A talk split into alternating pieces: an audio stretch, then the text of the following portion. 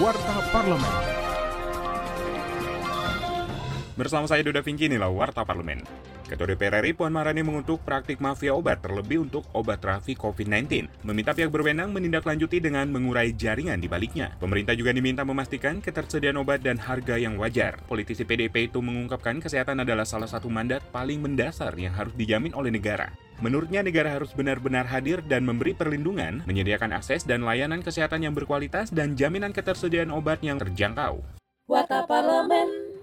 Dalam rapat dengar pendapat umum, Panitia Kerja atau Panja Hortikultura, anggota Komisi 4 DPR RI Yohanis Franciscus Lema mempertanyakan kebijakan pemerintah yang masih melakukan impor produk hortikultura. Kenapa untuk produk-produk hortikultura tertentu kok tidak ada success story yang dilakukan oleh negara sebesar Indonesia ini? Apakah kita punya pemetaan menyangkut komoditas unggulan strategis yang perlu kita lakukan? Lokasinya di mana saja, Pak? Intervensi kebijakannya seperti apa, Pak? Nah, saya ingin mendapatkan usulan-usulan yang konkret kalau dulu undang-undangnya bilang impor itu diperlukan kalau produk dalam negerinya itu tidak mencukupi. Artinya fungsinya sebagai komplementer. Hari ini posisi impor komoditas dan posisi produksi dalam negeri itu sejajar. Ini melemahkan petani hortikultura kita.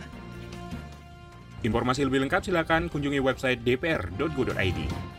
Anggota Komisi 11 DPR RI Ahmad Hafiz meminta pemerintah merevisi angka pertumbuhan ekonomi 2021 yang dipatok sebesar 5%. Menurutnya postur anggaran pendapatan belanja negara atau APBN terus mengalami penyesuaian pada setiap mata anggarannya. Politisi Prasipan itu menilai direvisi target pertumbuhan ini penting dilakukan agar APBN tetap terjaga dari sisi transparansi dan akuntabilitasnya supaya kredibel.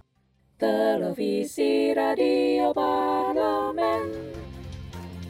Demikian Warta Parlemen, Produksi TV dan Radio Parlemen, Biro Pemberitaan Parlemen, Sejen DPR RI.